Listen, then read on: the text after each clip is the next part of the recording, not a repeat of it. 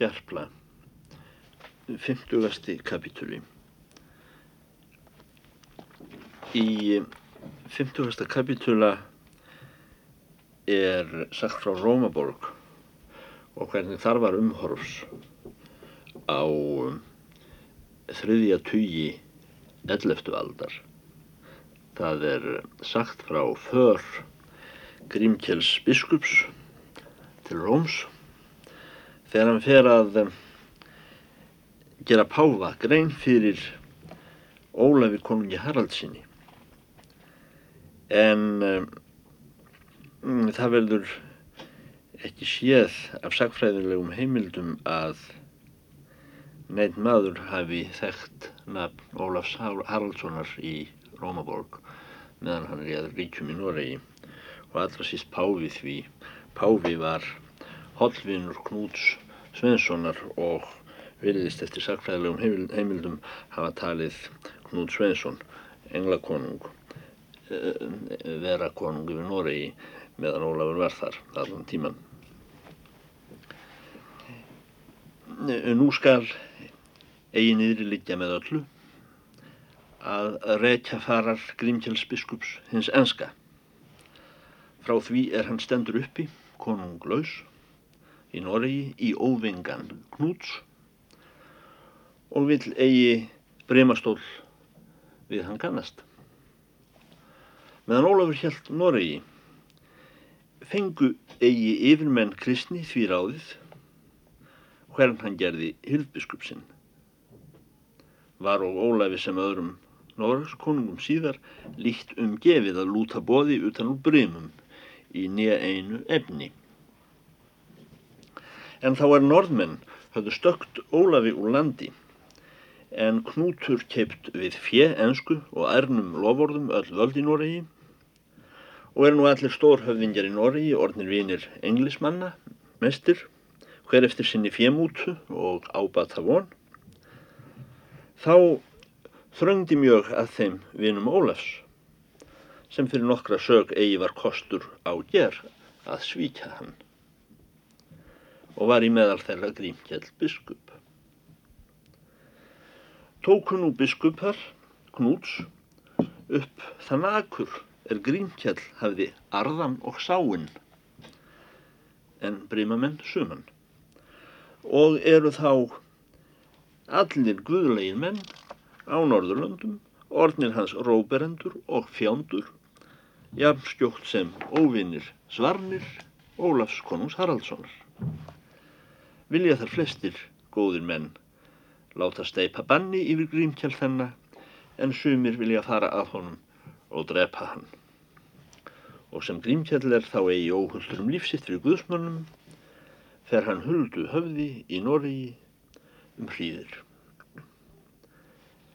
En þá er hann spýr að svíja konungur gerist til að kaupa aftur Ólaf í Noreg, hugsar hann ráð sitt fyrst, um sem kemur sér í skip með kaupmannum, söður á Valland og slæst þar í för Pílagríma og er komin suður yfir fjall á jólum.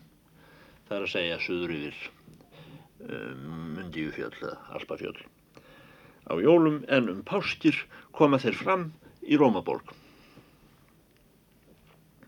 Grímkjell biskup var búinn sem einn fátækismadur með staf í hendi. Og er frásögum haft að hann hefur skreppu e, þar sem ekki var gersima utan kestur ostur og forn sem en gera á Norðurlöndum. Og mest er þefjaður allrar stjefnu er getur í kristninni, það er að segja mest ólíkt af honum öllu, allir stjefnu. Svo að þjófar og hlennimenn og aðrir mannslagarar þá forðast þeir þann pílagrím öllum mönnum framar þess líkan ófagnuð flytur. Á þeirri öld er í fjallægum stöðum heimsbyggðar meiri orðin gullegu ljómi Rómaborgar en nokkur sinni. Best þá postuleg og almennileg kristni eigi aðeins östur á Pólínaland, það er að segja Póland, Heldur á í Norðurlönd, allar götur til Íslands og svo vestur á Grænaland. Mátu hinnar fyrstu þjóðir, það er hinnar fjallægustu þjóðir, Rómaborg næst himnaríki og nefndu hana hvíta drottningu heims, reyna af meilegum liljum sem segir í fræðum Pílagríma og Roma nobilis orbis et domina, albis et virginum, liliis candida. En á samri tíð sem fegurð Róms verður glöðust í heims í aðrinum, þá er sárastur harmur hveðin að sjálfs húsi sem votta skilríkir sagnarmestrar. Var þess skemst að minnast er á tveim tugum ára lutu í gras tólf páðar fyrir eiturbyrlurum og morðingjum, eljum sínum. En nokkrir voru á hálshögnir fyrst og hengdir upp síðan á fótum. Og eru þá eigi taldir þeir er voru blindaðir, afnefjaðir eða tungutogaðir eða luku lífi í dýblissum og ormagörðum eða uppláknir öfugýr á asna út á borgarstræti og aflimaðir þannig ríðandi lið fyrir lið. Þau dæmi höfðu og orðið er pílagrímar komu norðan að þá hjekk herra Pávin á gálga uppfestur á fótum á Márius hóli utan múra þar sem söðurgöngum menn voru vanir að knefalla og gera bæn sína í augliti heilarar borgar og var herra Pávans höfuð fest upp á stöng á hlið gálgan. Þá höfðu rauvaraflokkar haldið róm, útlendir eða innlendir og víksl í margamanns aldra. Kampaníagreifar, túskúlumgreifar, sapínagreifar, valdsgreifar og nefndu þessu ræðismenn og öldungar róms en eftir þá gúelvar og gíbellínar, orsínar og kólonnur og margt annað óaldar fólk. Hafðu flokkar þessir niður brotna borgina að mestu, snúið í grjótnámu hinnum fornum hofum og portum og minningarmörkum og kostulum og múrum, en hlaðið sér úr steinum varnarvirki hver gegn öðrum. Marmara fornan muldu kalkbrennslumenn og blendu við múrlím. Þá var Júpitershof hestastallur. Þá voru og líknestjur allar og myndir Róms löngurótnar. En þó var miklu mestur sá hluti Rómaborgar er eigi var utan rústir vallgrónar og, og afréttur.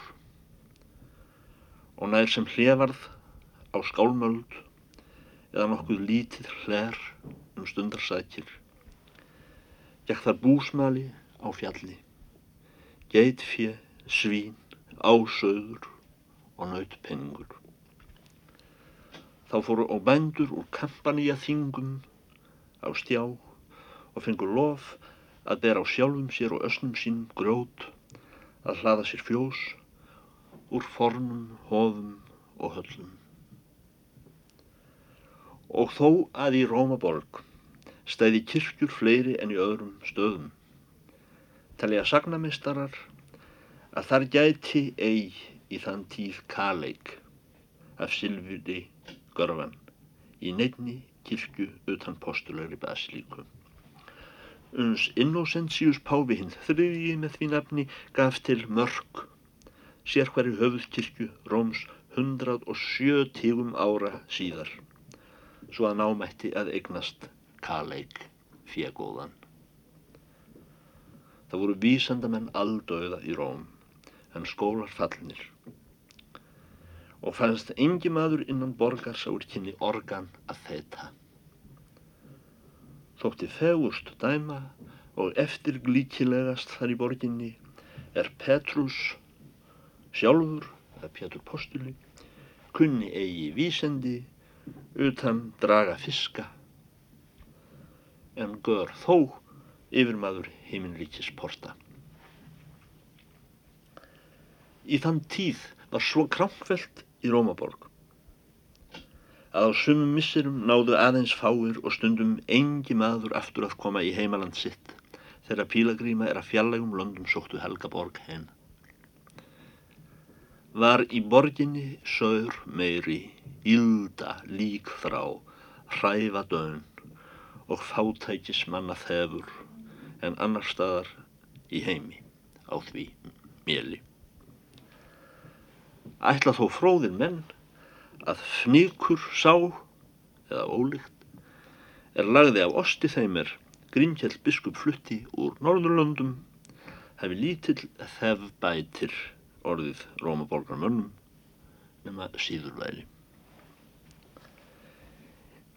Egi gat á þeirri öld þingra róður félöysum manni en náfundi postulegs herra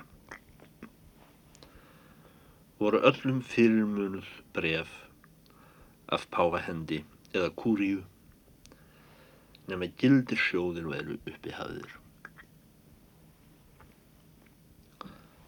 Sýnist á fljótt að höfuð klerkar er þar sitja í ráði herra Pávans hafa skildari síslur en greiða götu ganganda biskups norðan úr heimi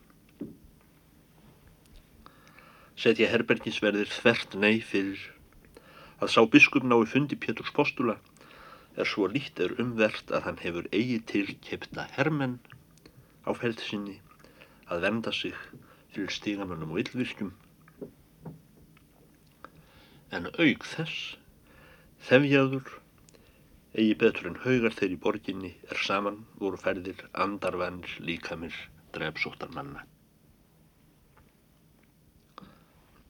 En það er frá Grímkalli sagt að hann var svo manna að flestum verður á hann starf sínt. Mikill maður vexti og ítur skapaður. Og svo farin í andliti sem jafnan eru skrifaðir helginmenn og guðstýrlingar með slegnu hári svörtu og sorgafullum tegnar fölva. En augun höfðu byrtu hins svarta gimsteins karbunkúli er skáld kalla undur veraldar og beinir enn til hímins augum sínum í upplitningu sem þá er hann stóð ungur við næsta sælum erki biskupi Alfego. Nú sem Grímkjöld hefur farið ónýtis för oftar en einu sinni á Pávagarð og haft afgæfing af hallarvörðum. Þá líkur hann upp skreppu sinni einhvern dag. Svo að upp úr henni leggur stekkin, það er ólíktina, og hefur upp þaðan einn sylfurpenning mjög glaðan og fær þessum dýraverði og lætur upp í nafn sitt að þar var komin eh, Grímketillus Hilfbiskup Ólafs konungs Haraldssonar af Norvegi og vil ná páfafundi. Síðan gengur hann brott. Það er einhvern dag. Það var Grímkjell Biskup situr í herbergju og grætur og syngur af stóri viðkomningu hjartans eftir síðvenju sinni. Þá er þar komin eitt sendibóði af herra Pávans gardi við þeim boðskap að grímkalli biskupi er kostur á ger á þeim degi að ganga í auksín Kristi, varamanni og sporgungumanni Péturs, Jóni Páfa hinnum nítjánda með því nafni á gardi postulegs herra. Laterano að flytja þar sitt örendi. Uh, Jón Páfi hinn nítjándi Sá að Rómanús hefur heitin verið með veraldlegu nafni var leikmaður rómverskur af slekt túskúlum greifa og var hann jafnfram æðstur valsmaður Róms veraldlegur, ræðismadur og öðdungur. Hafði hann aldrei ekki press vikslu tekna, nýja í skólanumið letur að rekja, nýja í látínu að syngva. Og var meldur aðeins á þá bóndamálísku er menn nefna lingva volgare eðlegar vernakúlum.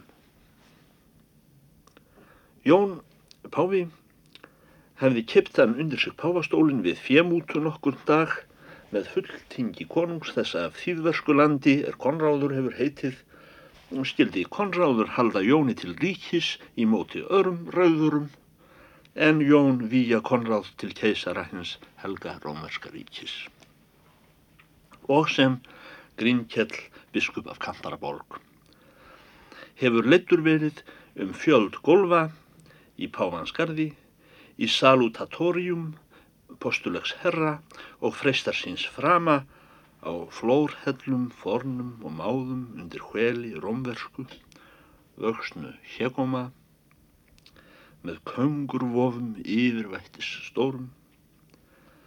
Þá skipar þar andvegi Jón Páfi í rauðum kirtli, gullfjölluðum, ásamt með virðulegum höfuðklerkum þeim er hann er vanur að hafa sér við hönd en í horni þrumdi múkur sá tíðverskur er einn mann að kunni penna að stýra á Páfagarði og hafði þann starfa fenginn af konráði keisara að sjá ráð fyrir Jóni Páfa og stjórna gerðum hans en þó engum að gæta kameru það er fjesjóðsherbergi var hann nefndur Kamerarius. Drottinlegir yfirmenn sátu á stólum háfættum með fornum, snikk, rómverskum háubaki og þraungu sæti. Þar stóðu ker af steini og skrín af viði undir veitum og bykarar og drikkjuskálir úr mikla gardi. Þar var á einn leggtúli eður hvílubekkur undir vegg, þaktur serkneskri ábrauðu, gullofinni og híminn yfir. Róðukross af Eyri stóðað hásætisbaki, ofraður af Írlandi. Þá er siðlausir menn höfðu brotnar látið allar myndir og líkneskjur í Róm. voru á þessum krossi með fögru loftverki upphliftar helgar sögur en í miðju róðunar gaf að líta dominum, þar að segja drottin, í sínum keisaralegum skrúða blessandi höndum og standa englar hór á sinni öxlhónum og sig út hans höfuð byggir paradísum, býða við fætur honum á jörðu, guðuleg hjú, jón, postuli og samta Virgo, það er að segja Marja mei, sem þessi tvö hafa af sannri elsku mest harmaða fyrir drottins af heimi. Nú verður hortveitja í senn. Að þeim í Kúria byrstist helgimannlega ásýnd Grímkels og slær fyrir við þeim fnig óursamlegum og fellur Grímkell þar á knébið fyrir páfanum af stórum linleik og kissir á fót honum. Og um, þá er herra páfin hefur bjóða látið að gesturinn skal lúka munni sundur. Þá verpur Grímkjell biskup svofældum orðum á allra helgastan föður og kúria. Eh, Grímketillus. Vestlarstur klerka í Guðs kristni, segir hann. Þess vil ég beigðast af postulegum herra fyrst að þú látir þér í hugkoma er yllvirkjar grítu lærðamenn á Tamesis bökkum. Baðið þá dýrlegan öldung alfegum. Er ekki þjónaði honum til handa ungu sveinn og gengu á hörlegum kroppi honum nútur og hraun villegi minn mestari leifa að eg stíga framar og taka í móti þeim höggum er honum voru elluð og er það mitt upphaf. Þessu næst er að telja að eg hef um þrjá tígu missera skrjálast áfram í drottinlegri þjónustu. Á út í aðri heims þar sem heitir in Norvegia. Hyrðbiskup Ólafs konungs Haraldssonar er þar léð landi fyrr. Og hafði aldrei ekki á þær slóðir komið sönglarður maður áður við fórum til og freistuðum að bjóða kristni því illþýði er með vörgum byggir og flúdreikum. En þó að nú sé konungur minn landrækur, þá vil ég þess beigðast af æðstum herra Pávan að eigi verði þeir veslir þjónar drottins reknir á markir að grafa rætur og gnaga börg er áður trúðu Guði best. Eða sæti aðrir Guðsmenn lífi þeirra sinna bræðra er tugu missir að hafa flóist á við villidýr og dreka pró Kristum byggður postulegan herra á að líta að við Ólafur konungur letum skýra fleiri menn í Noregi á tveim sumrum en biskupar er Noregi halda undir breymastóli á þrem hundruðum missera. Reistu við þar þrjú hundruð kirkna og gaf Ólafur konungur Kristi land í Noregi með, með stórum fjám og hjarta sitt allt og svo sálu og líkan en næst lífskriðum þá er mín bæn og súplikátsja að ég fá af pávan það bref að meg að vera jafngöfugur brímabiskupum að fara með umbúði í Noregi í þeim stöðum þar sem ég hefi trú talda. Postulugur herra geispar mikinn undir þessari tölu og klórar sér og skirpir og fnæðsir segir síðan í mállísku furðu illa er sá maður þefjaður eða hvað klifar drussi? Nú ræðast þeir við um stund Páfi og höfuð klerkar og er herra Pávin heldur örðugur viðurmælis. Og að lokum segir höfuð klerkur er þar var mestur trúnaðmaður Páfa að Kristur hyggur sér víst eigi allmikil höpp af fljóta þó að kyrkjur í Noregi eignist skóarhögg eða veiði. Muni þaðan eigi stóra ofra að venda af skrimslum þeim og flugdreikum en þessi maður hefur flóið á í þrjátvíu missera. En það þykir páfanum skjóta nokkuð skökku við, segir þessi höðklerkur er hann skal nú heyra að fyrir Noregi ráði konungur annar en Knútur vinnur vor Sveinsson, englakonungur. Sá er Noreg tókað erfðum eftir höður sinn og hefur engi konungur annar til þess ríkis verið nefndur svo að við vitum. Segir postulegur herra það muni aldrei ekki að hann svíki Knút vinsinn sem á Noreg. Nér hlaði undir nafnlausa konunga í ríki hans. Muni það eigi í glemsku falla? Af hálfu Jóns Páfa að þá er hann gerði að keisara vinsinn Konráð hinn Þíska var knútur sá einn? Framlegra konunga er fúsværi að halda upp vorum sóma og fara til Róms að fulltingja oss. Og þáði knútur í sinni ferð mörg fríðendi að oss til handa biskupum sínum en helt í móti ríflegum denario af löndum sínum hefur og skilvíslega af höndum indan og munum við öngvan þann leik gera knúti að Pétur Penningur hætti að reyðast af Englandi. Grímkjell segir þá að Ólafs konungs Haraldssonar var von austan úr heimi á því sumri við óvígan herr að vinna Noreg. Og mun fátt verða um varnir í landi, með því að Knútur er heimsnúin að stýra Englandi. En, segir Grímkjell, hvar skulu þá breyma biskupar og Knúts menn fá aðhvarf? er Ólafur konungur er í landkomin að hefna harma sinna.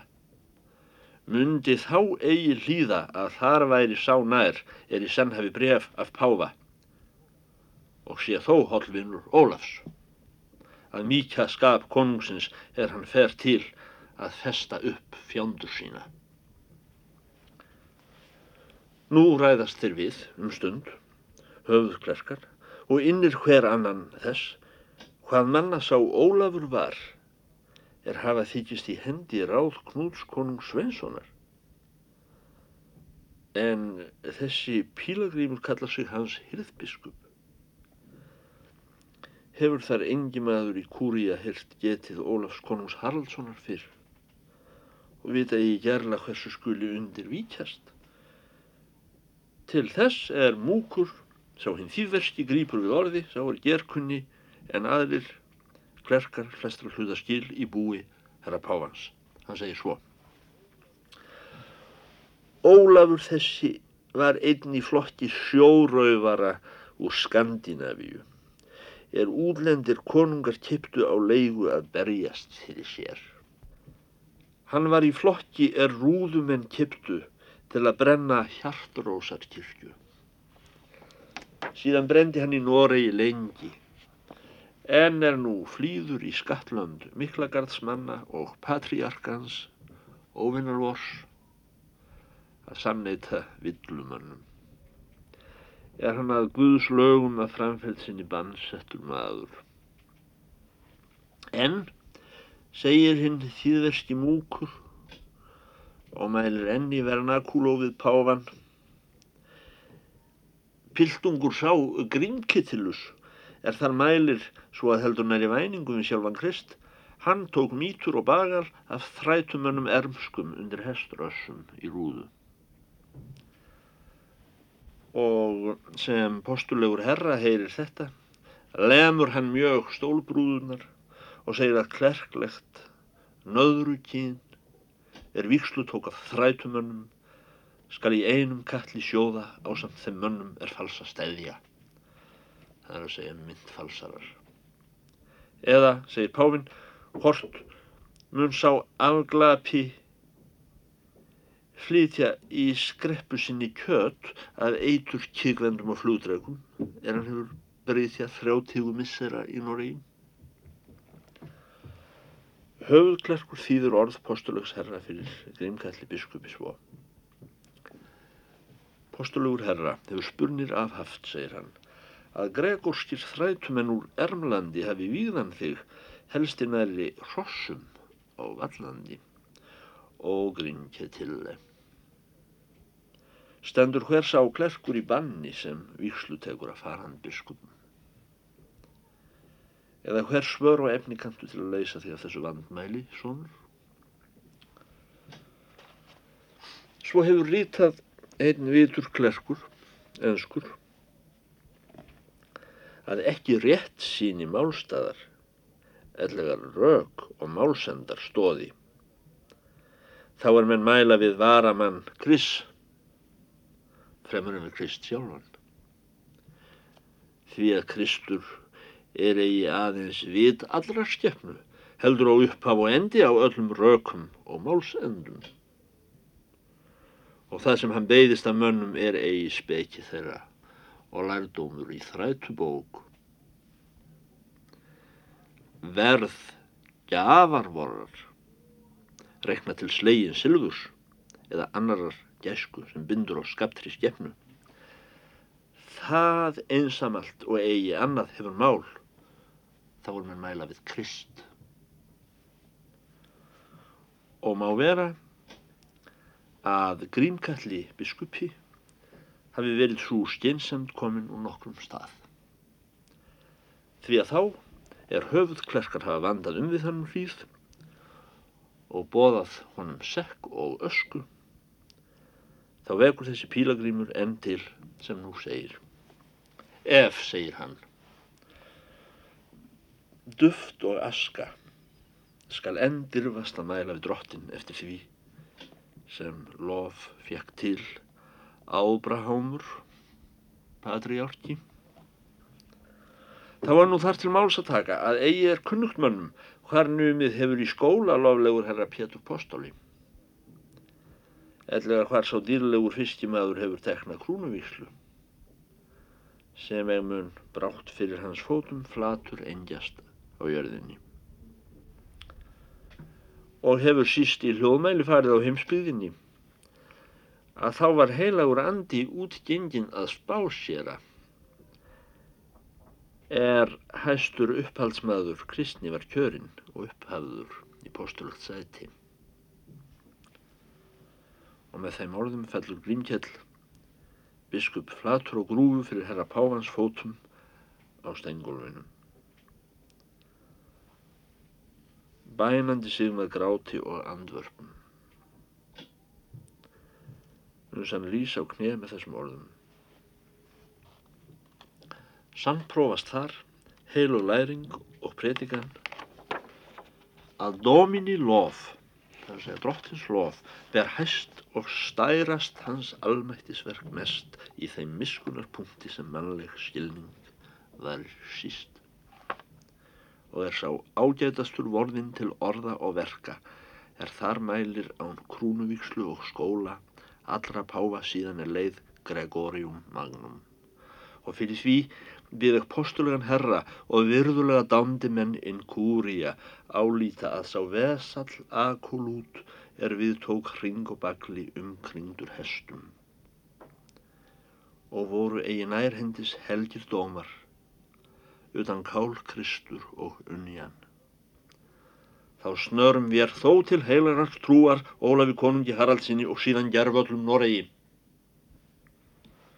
Og í þeim töluðum orðum hefur Grímkjell biskup upp ostsinn úr skreppu og lætur á gólfið fyrir fótum páan. Og þessu næst bregður hann knífi á ostinn og vellur fram morð fjár, það er að segja ógrinni fjár í gulli og silfri, svo sem ein maðka veita úr ostinn og var það fjö bæði gott og glatt. Flýtur yður þar segir Grímkjell, mín síð goldin frum forn af biskupstæmi í Noregi, gull og sylfur okkart Ólafs konungs Haraldssonar. Og af slíkum í artegnum vefst postulegum herra tunga um höfð og svo hans höfðklerkum og stýur pávinn ofan úr öndvegi og svo höfðklerkar og leggjast á gólfið að skoða fjöið. En múkur Konráðs keisara sáur stýrið penna og reði fyrir kameru. Hann segir að þess var að sönnu eigi kostur um sinn að gera einn farandmann jafn góðan andlegum yfirmönnum Noregs, brímabiskupum, ellegar biskupum Knúts konungs Svenssonar, englakonungs, sem í auglíti Guðs og allarar kristni er sannur eigandi Noregs. En hitt skal brefa grímkalli, segir hann, að breymastól og aðrir löglegir hleytismenn postula skulu eigi gera þér til miska og skaltu horki vera bannmaður þeirra nýja döðamaður heldur skulu þeir við kennast og umbera sinn fátækan bróður, er fagnar góðum vilja. Þar til er fullreint er hvern Kristur vill láta ríki halda í Noregi. En á þeim degi, segir þessi múkur, á þeim degi sem Ólafur konungur Haraldsson náir valdi og ríki í þvísa landi eftir Guðs vilja. Eða upphefst með einhverju stóri skrift og yfirbót en þó engum með þeim sérlegum dauða er til píslarvættis mætti telja. Svo að verða kynni fögnuður himneskra engla og ljóst sér fyrir klerkum og alþýðu að Dominus hefur þann kjörinn að bera sér vittni með nokkrum stór hreinlegum hjartegnum. Á þeim degi skal bróðir Grímkettilus hafinn til verðleika með tign sem honum byrjar.